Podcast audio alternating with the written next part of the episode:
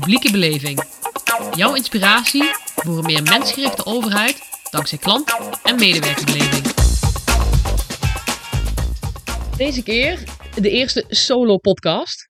Eh, deze keer is partner in crime Miranda niet van de partij. Waarom? Eh, ik heb een week of twee geleden heb ik een, eh, een post geplaatst over het stoppen met het meten van touchpoints en het advies om te focussen op journeys. En daar kwamen verschillende ehm, reacties op op LinkedIn. En omdat je uiteraard in één plaatje niet een heel genuanceerd verhaal kwijt kan, eh, dacht ik op basis van alle vragen: hey, laat ik een podcast opnemen. Waarin ik in ieder geval meer context geef over waarom kom ik tot, tot dat statement. Eh, en ook waar zitten de nuances. En nog een stapje terug, waarom heb ik überhaupt dat statement gepost? Is ik zie gewoon dat er steeds meer uh, zeg maar survey tooling bedrijven en dus ook organisaties die met die tools werken, dat die veel te sterke focus hebben op meten van touchpoints. En als je puur focust op meten van touchpoints, zijn diezelfde organisaties die worstelen heel erg met, hé, hey, maar hoe kan ik nou die NPS vergroten? Hoe kan ik nou de tevredenheid verhogen? Dus de hele, de hele blik op de klantreis en de journey, die ontbreekt vaak. En zeker in de, in de survey tooling uh, perspectief. En ik denk dat het, uh, helpt om überhaupt te schetsen wat is wat. Dus het is niet zo dat ik anti-touchpoints ben. Ik ben wel anti de term touchpoint, omdat ik gewoon merk dat het verwarrend is. Want 9 van de 10 keer is een touchpoint eigenlijk het kanaal. Het is de, de klantenservice die je belt of de website, et cetera. Uh, en wij zeggen zeker ook, meet op je kanalen. Dus we hebben kanalen, we hebben dan klantreizen. Dus uh, bijvoorbeeld, ik vraag een uh, verzekering aan, is een klantreis, en daar gebeurt van alles in. Dan heb je inderdaad ook iets wat genoemd werd op LinkedIn, een life cycle of live events. Ja, en daar heb je eigenlijk weer uh, drie smaken in. Nou, een stapje terug. Dus de journeys, klantreizen, gebruiken wij ook op twee niveaus. Dus je hebt de, de algemene klantreis, dat kunnen nooit meer dan 8 à 10 stappen zijn. Dus welke stappen doorloop ik met de organisatie? Ik vraag een verzekering aan, ik dien misschien een keer een claim in. Ik wijzig mijn gegevens, et cetera. En het tweede niveau is een detail journey. Dus binnen het aanvragen van een verzekering, wat gebeurt daar precies? Ik begin op de website, ik vul het formulier in, ik krijg een ontvangstbevestiging, et cetera. Alles tot en met de afschrijving van de eerste premie. Ja, dus de, de hoofdjourney, generieke journey en de detail journey. Daarnaast werd ook nog inderdaad, wat ik net zei, genoemd de life cycle of life events. Nou, en daarbinnen zie ik ook eigenlijk drie varianten. Eentje is misschien wel de meest oldschool variant van wat ooit een journey was. Een lifecycle, namelijk uh, awareness, uh, de gebruiksfase, uh, afterservice. Dat waren vaak, dat is echt wel, denk ik wel, 15 of 20 jaar geleden. vier hoofdstappen. Nou, die waren zo abstract dat ik blij ben dat ik die niet meer zo vaak tegenkom, want die waren ook heel erg lastig om te gebruiken, omdat ze zo abstract waren. daarnaast heb je meer de, de visie van, je moet eigenlijk live events gebruiken. Um, ik word 18. Ik ga studeren. Ik ga verhuizen. Dat is ook een manier om te kijken naar life cycle of life events. Uh, en daarvan zie ik heel vaak dat, het, dat ik het snap vanuit klantperspectief. Maar dat het misgaat dat op dat moment staat de klantperspectief zo ver af van de interne organisatie. Dat het heel lastig wordt om dat te vertalen. dus ook hier zeg ik vaker, ben ik meer de pragmaticus dan de wetenschapper of de, misschien wel de modelleerder. Want uiteindelijk wil je wel de brug kunnen slaan. Ja, je wil van buiten naar binnen kijken, maar ik moet wel binnen nog kunnen begrijpen. En als je kijkt naar uh, dus, drie niveaus: de uh, awareness, gebruik, et cetera. ik word 18, ik ga studeren. dat soort voorbeelden, live events. en als je kijkt bijvoorbeeld hoe Milky Map hun lifecycle model. Dat zijn eigenlijk dan toch niet de live events. Dat kunnen wel een trigger zijn. Maar dat zijn inderdaad wat wij ook noemen de generieke stappen in de journey. Hè? De hoofdstappen die ik kan doorlopen met uh, de organisatie. Dus ik denk het goed is om die verschillende smaken te onderscheiden. Nou, wij focussen ons dan meestal op de kanalen en de klantreizen. En eigenlijk ook op organisatie- of relationeel niveau. Dus we hebben drie niveaus. Waarom? Als ik chef customer service ben, ik ben chef uh, callcenter. Ja, dan wil ik weten oké, om mijn kanaal optimaal te managen, wat moet ik doen? Moet ik vooral de wachttijd verlagen? Moet ik vooral de vriendelijkheid van de medewerkers uh, uh, verhogen? Nou, wat zijn mijn knoppen waar ik aan moet draaien als chef klantenservice? Dat zijn andere knoppen dan degene die verantwoordelijk is als eh, chef klantreis voor degene die bijvoorbeeld uh, de verzekering gaan aanvragen. En dan wil ik weten, oké, maar wat zijn nou de belangrijkste thema's om de NPS of de tevredenheid over die journey, die klantreis te verbeteren. dat zijn andere knoppen dan het kanaal. En als laatste niveau heb je, binnen overheid is dat organisatieniveau. En wil je eigenlijk weten wat zijn de knoppen voor vertrouwen in sociale verzekeringsbank, vertrouwen in uh, de douane. wat zijn daar de belangrijkste knoppen? Uh, en over de commerciële kant is dat zeg maar, op brandniveau. Ja, dus vaak is dat de relationele NPS. Ook op relationele NPS-niveau wil ik weten, nou moet ik nou vooral prijs heel goed neerzetten, moet ik vooral innovatief zijn. dus, dus ook degene die verantwoordelijk is voor de merkbeleving wil daar zijn of haar knoppen van weten. En de crux van alles, hè, wat je al hoort zeggen, is knoppen. Misschien maakt het nog niet eens zo heel erg veel uit of je nou een kanaal, een touchpoint of een journey meet. Ook al vind ik natuurlijk wel. Uh, maar wat veel belangrijker is, is dat ik bijna alle organisaties en ook surveypartijen zie worstelen met, ja, maar hoe kom ik nou tot stuurinformatie? Ik meet van alles, maar ik kan eigenlijk niet uit mijn data halen, hey, um, de vriendelijkheid van de medewerker is gewoon vijf keer belangrijker dan de mijnomgeving bijvoorbeeld. dus wat, wat veel belangrijker is, naast dat je de goede dingen meet, is dat je erachter komt, ja, maar wat zijn eigenlijk de knoppen waar ik aan kan draaien, zodat je stuurinformatie hebt. Zodat je dezelfde taal spreekt als je collega's die harde salesinformatie hebben of die harde operations en efficiency data hebben. Nou, dan kun je op een gelijkwaardig, gelijkwaardige manier kun je vergelijken wat de impact van dingen is. Anders blijf je hangen op het niveau van hey, we, hebben, kwalitatieve inzichten of we meten wel kwantitatief, maar we weten niet precies wat nu het belangrijkste is. dus dan heb je nog steeds geen harde stuurinformatie. Ja, dan moet de afdeling gaan vergelijken met wel harde stuurinformatie op sales, efficiency, etc. Ja, dan ga je het heel snel verliezen. Niet uit onwil van die andere afdelingen, maar ze hebben gewoon niet vergelijkbare stuurinformatie om op basis van te prioriteren. Nou, dan heb het ook nog gehad in de discussie over het moment van meten. Ik pakte altijd het voorbeeld van, uh, van de callcenter. Um, heel veel callcenters die meten zo dicht mogelijk op het contact. Nou, dus zelfs voordat je een medewerker aan de lijn hebt, krijg je bijvoorbeeld de vraag: uh, Goh, wil je even blijven hangen om nog een paar vragen te beantwoorden? Die meting die meting die meet puur de medewerker. Dus eigenlijk hoe tevreden ben ik met de medewerker. En is mijn vraag in één keer behandeld, uh, in één keer beantwoord. Dus als jouw missie is als organisatie om op medewerkerniveau feedback te kunnen geven, hé, hey, maar hoe worden onze medewerkers gezien? Dan is dat een prima manier om te meten. Wel zijstapje, let op, want ik zie ook heel veel organisaties die het wel op medewerkerniveau rapporteren. Maar dan zie je op maandbasis zie je een N van 2 per medewerker. Ja, dat is gewoon super niet fair naar medewerkers. Dus als je dat gaat doen, zorg dat je minimaal een N van 20 per medewerker hebt. Of dat je het op een geaggregeerde niveau, op teamniveau uh, bekijkt. Maar dat terzijde. Maar stel nou dat ik uh, die, dat callcenter bel. Ik heb die medewerker aan de. Ik vraag, beste medewerker, kun je mij een formulier Hubblepub opsturen? Die medewerker zegt op dat moment, Tuurlijk, Sanna, geen probleem, ga ik direct voor je regelen. Als je dan meteen naar het contact gaat meten, dan geef ik een hele hoge score. want mijn vraag is in één keer afgehandeld, die medewerkers hartstikke vriendelijk, top. Als dat formulier vervolgens nooit meer arriveert, dan ben ik niet tevreden over mijn service journey. Uh, maar dat heb je niet in beeld, want dat meet je niet. dus dit verklaart ook waarom je heel vaak zie je, zeker aan de commerciële kant, zie je hele hoge uh, touchpoint metingen. Maar hebben ze toch nog steeds een verloopprobleem.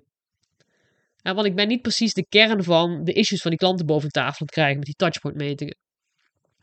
Dus als een tooling, uh, een survey tooling, uh, als een survey tool, sorry, in een dashboard, zeg van nou, we hebben, we hebben uh, drie, vier kanalen. Ik heb de mijn omgeving, de website, customer service.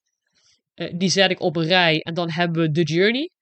Ja, dan gaat er echt iets mis in jouw beeld en in de behoeften die jij in beeld hebt van, van de klanten. Wat wij namelijk doen, het is niet zo dat wij niet al die elementen van die journey meenemen. Maar wat wij doen als wij dus de drivers van een journey willen achterhalen, dan mappen we in die workshop, gaan we kijken welke stappen er loopt een klant voor die specifieke klantreis. Ik begin op de website, ik krijg een, uh, een e-mailbevestiging, um, ik misschien wat formulieren opsturen, Het geld wordt een keer afgeschreven. Dus al die stappen. Redelijk de functionele kant. Daarnaast gaan we ook kijken, oké, maar wat is de emotionele beleving van die klant? Op basis van merkbeloften. Um, en dat is ook een overheidsland. Hè? Dus ook de belofte, uh, niet leuker, wel makkelijker, is wel degelijk een merkbelofte. Die uh, van invloed is op mijn klantreizen. Al die elementen, dus al die facetten van die klantreis, stoppen in die vragenlijst. En die sturen dan naar klanten die recent, dus minimaal een week, maximaal vier weken geleden, die klantreis hebben afgerond. Waarom stoppen wij al die ingrediënten erin? Kijk, ook het risico als je puur touchpoints meet, als je gewoon losse elementen meet, en je pakt bijvoorbeeld dan ook tevredenheid of NPS mee, ja, dan zul je al snel denken, hey, die, die meting over uh, bijvoorbeeld het bezoek van die accountmanager, we zien dat als die score hoog is, dat dan ook de tevredenheid hoog is. Dan heb je vaak correlatieanalyse. Dus als ik loskijk naar dat bezoek van die accountmanager, dan denk ik, hm, daar moeten we iets mee. Maar een klantreis is natuurlijk nooit een, um, een reis van losstaande dingen. Ik, ik ervaar dat in zijn geheel. Dus de statistiek die wij gebruiken is ook heel bewust dat je juist alle facetten in één vragenlijst stopt. Zodat je kunt zien, hey, los is die accountmanager misschien wel belangrijk. Maar als ik dat in één geheel stop met uh, het gevoel van uh, aandacht, respect behandelen, uh, facturatie, geen idee hè, wat die klantreis is. Hey, dan zijn er andere thema's die echt wel een stuk belangrijker zijn dan die account manager. Nou, dus je wilt dingen in zijn verband kunnen bekijken om echt te weten wat nou de belangrijkste knop is om aan te draaien. Dus de journey is geen losse optelsom. Iemand zei ook van hé, maar een, een journey map, dat zijn gewoon de pijnpunten per touchpoint.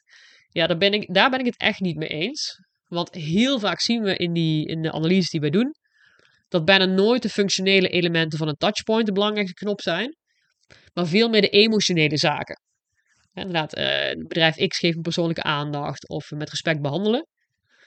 Ja, en dan A, zou je die knoppen helemaal nooit in beeld krijgen als je het alleen per touchpoint doet. Maar sterker nog, je wilt eigenlijk die knop die je dan gevonden hebt uit die journey, die wil je gebruiken als ontwerpprincipes voor jouw losse elementen in die journey. dus hoe kan uh, de klantenservice het gevoel van respect uh, verhogen? Hoe kan de tekst op de website bijdragen aan het gevoel van persoonlijke aandacht? Dus ga je eigenlijk ga je jouw knoppen van die klantreis ga je gebruiken als input om jouw touchpoints te gaan optimaliseren. Dus de, de losse elementen in de, in de klantreis. En zijstap, wat ik namelijk ook heel veel zie bij touchpoint metingen, is er wordt steeds, er wordt steeds meer gedrukt op, oh ja, we mogen nog maar één vraag stellen en dan open tekst. Want de respons is uh, anders een risico. Nou, sowieso zien wij altijd uh, genoeg respons op ook die super lange vragenlijst die wij gebruiken. dus dat is wat ons betreft geen reden. Maar misschien nog wel belangrijker, als jij een super hoge respons hebt, maar je kunt niks met de uitkomsten van die data, ja, dan is het leuk dat jij een hele hoge respons hebt. Maar als je er geen stuurinformatie uit kunt halen, waarmee je de rest van jouw collega's en organisatie kunt overtuigen, ja, dan heeft dat niet zoveel waarde.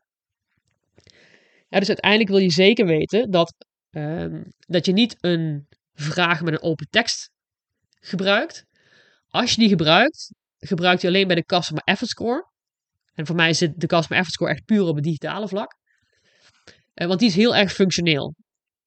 Dus daar kun je prima werken met open text, waarbij je zegt: Goh, uh, de app maakte mij makkelijk om mijn uh, factuur te bekijken. En de open text van: Goh, wat is één ding wat we hadden kunnen doen om het nog makkelijker te maken? Want ik zit op een hele functionele plek, namelijk mijn factuur bekijken in die app.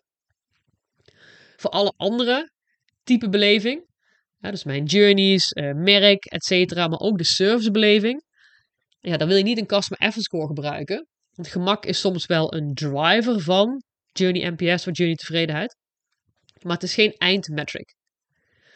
En voor alle andere metrics, voor de NPS en tevredenheid, ja, daar spelen zoveel facetten mee dat ik geen open vraag wil gebruiken, want dan krijg ik alleen maar rationele antwoorden. dus als je de klant vraagt wat is de NPS en dan waarom geef je die score, dan ga ik nadenken over dat antwoord. Dus ik ga mijn antwoord rationaliseren. Dus ik, ik denk oprecht dat als ik zeg de factuur, dat dat het belangrijkste is. Maar als je de slimme statistiek gebruikt, dan zie je dat de onbewuste latente behoeften, en dus de echte knoppen, dat die wezenlijk anders zijn dan de rationele feedback die je van klanten krijgt. Dus ja, ook als Medallia, Qualtrics en iedereen zegt, we hebben super slimme AI, die duizenden open antwoorden kan analyseren. Let op, want je bent nog steeds de rationele antwoorden aan het analyseren. Ja, dat is een risico, je daarvan bewust. Wat denk ik belangrijk is om te zeggen, is dat dit is niet soort van de waarheid. Dat is de enige reden waarom ik dit zeg, is omdat ik gewoon te veel bedrijven zie worstelen uh, met harde stuurinformatie eruit krijgen. Uh, met concrete eh, stijgingen realiseren van, van de scores. En dat het ons iedere keer gelukt is als we inderdaad echt die, die slimme statistiek gebruiken om de drivers te vinden van de journey. Dan lukt het ons iedere keer om binnen drie maanden ook die tevredenheid substantieel te verhogen. Ja, dus statistiek is geduldig, uh, conceptuele modellen zijn ook geduldig. Maar als we dat doen, dan is het bij ons nooit dat we de, de klantgroep die we als eerste bevraagd hebben, dat we dan een tweede keer bevragen. Dus dat we ze eigenlijk al beïnvloed hebben. De tweede keer dat we het meten, zijn het gewoon weer nieuwe klanten die door die journey gaan, die geen idee hebben dat die journey verbeterd is. Ja, dat is gewoon een zuivere uh, eh, 0 en 1 meting. Ja, en dan zie je gewoon iedere keer dat er heel veel uh, energie zit op harde stuurinformatie, op meetbaar resultaat. Uh, wat gewoon best vaak ontbreekt als het gaat om touchpoint metingen. En wat ook lastig is, is om andere afdelingen te mobiliseren als jouw touchpoint meting al heel hoog scoren. Want dat is vaak zo. Omdat vaak een touchpoint meting over een mens gaat en die scoren vaak al heel hoog. Dat dan ook andere afdelingen denken, ja god, uh, moeten we nou nog echt veel energie steken om van een 8,3 naar 8,5 te gaan. Uh, ik heb wel andere problemen, zoals mijn workload verlagen of um, efficiency verhogen.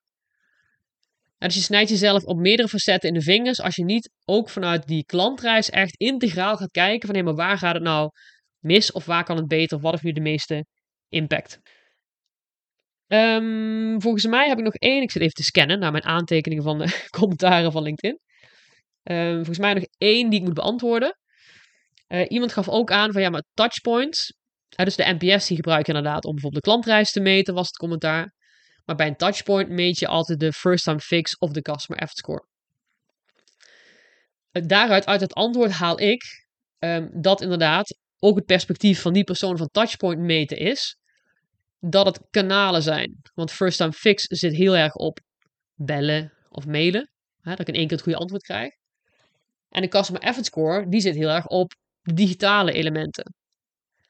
dus in die zin kan ik me daar eh, prima in vinden. Dat, hè, om de kanalen te meten zijn dat twee hele goede metrics. Maar dat is niet alles.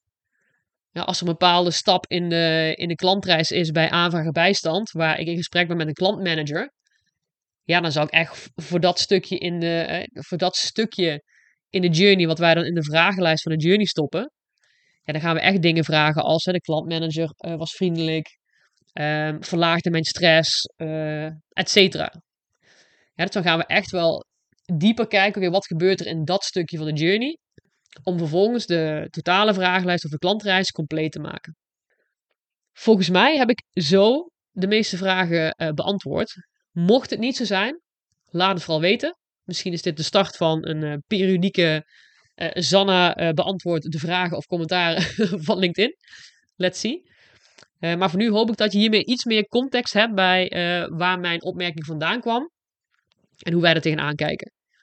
Dus ik hoop dat het waardevol voor je was. En uh, wellicht tot de volgende.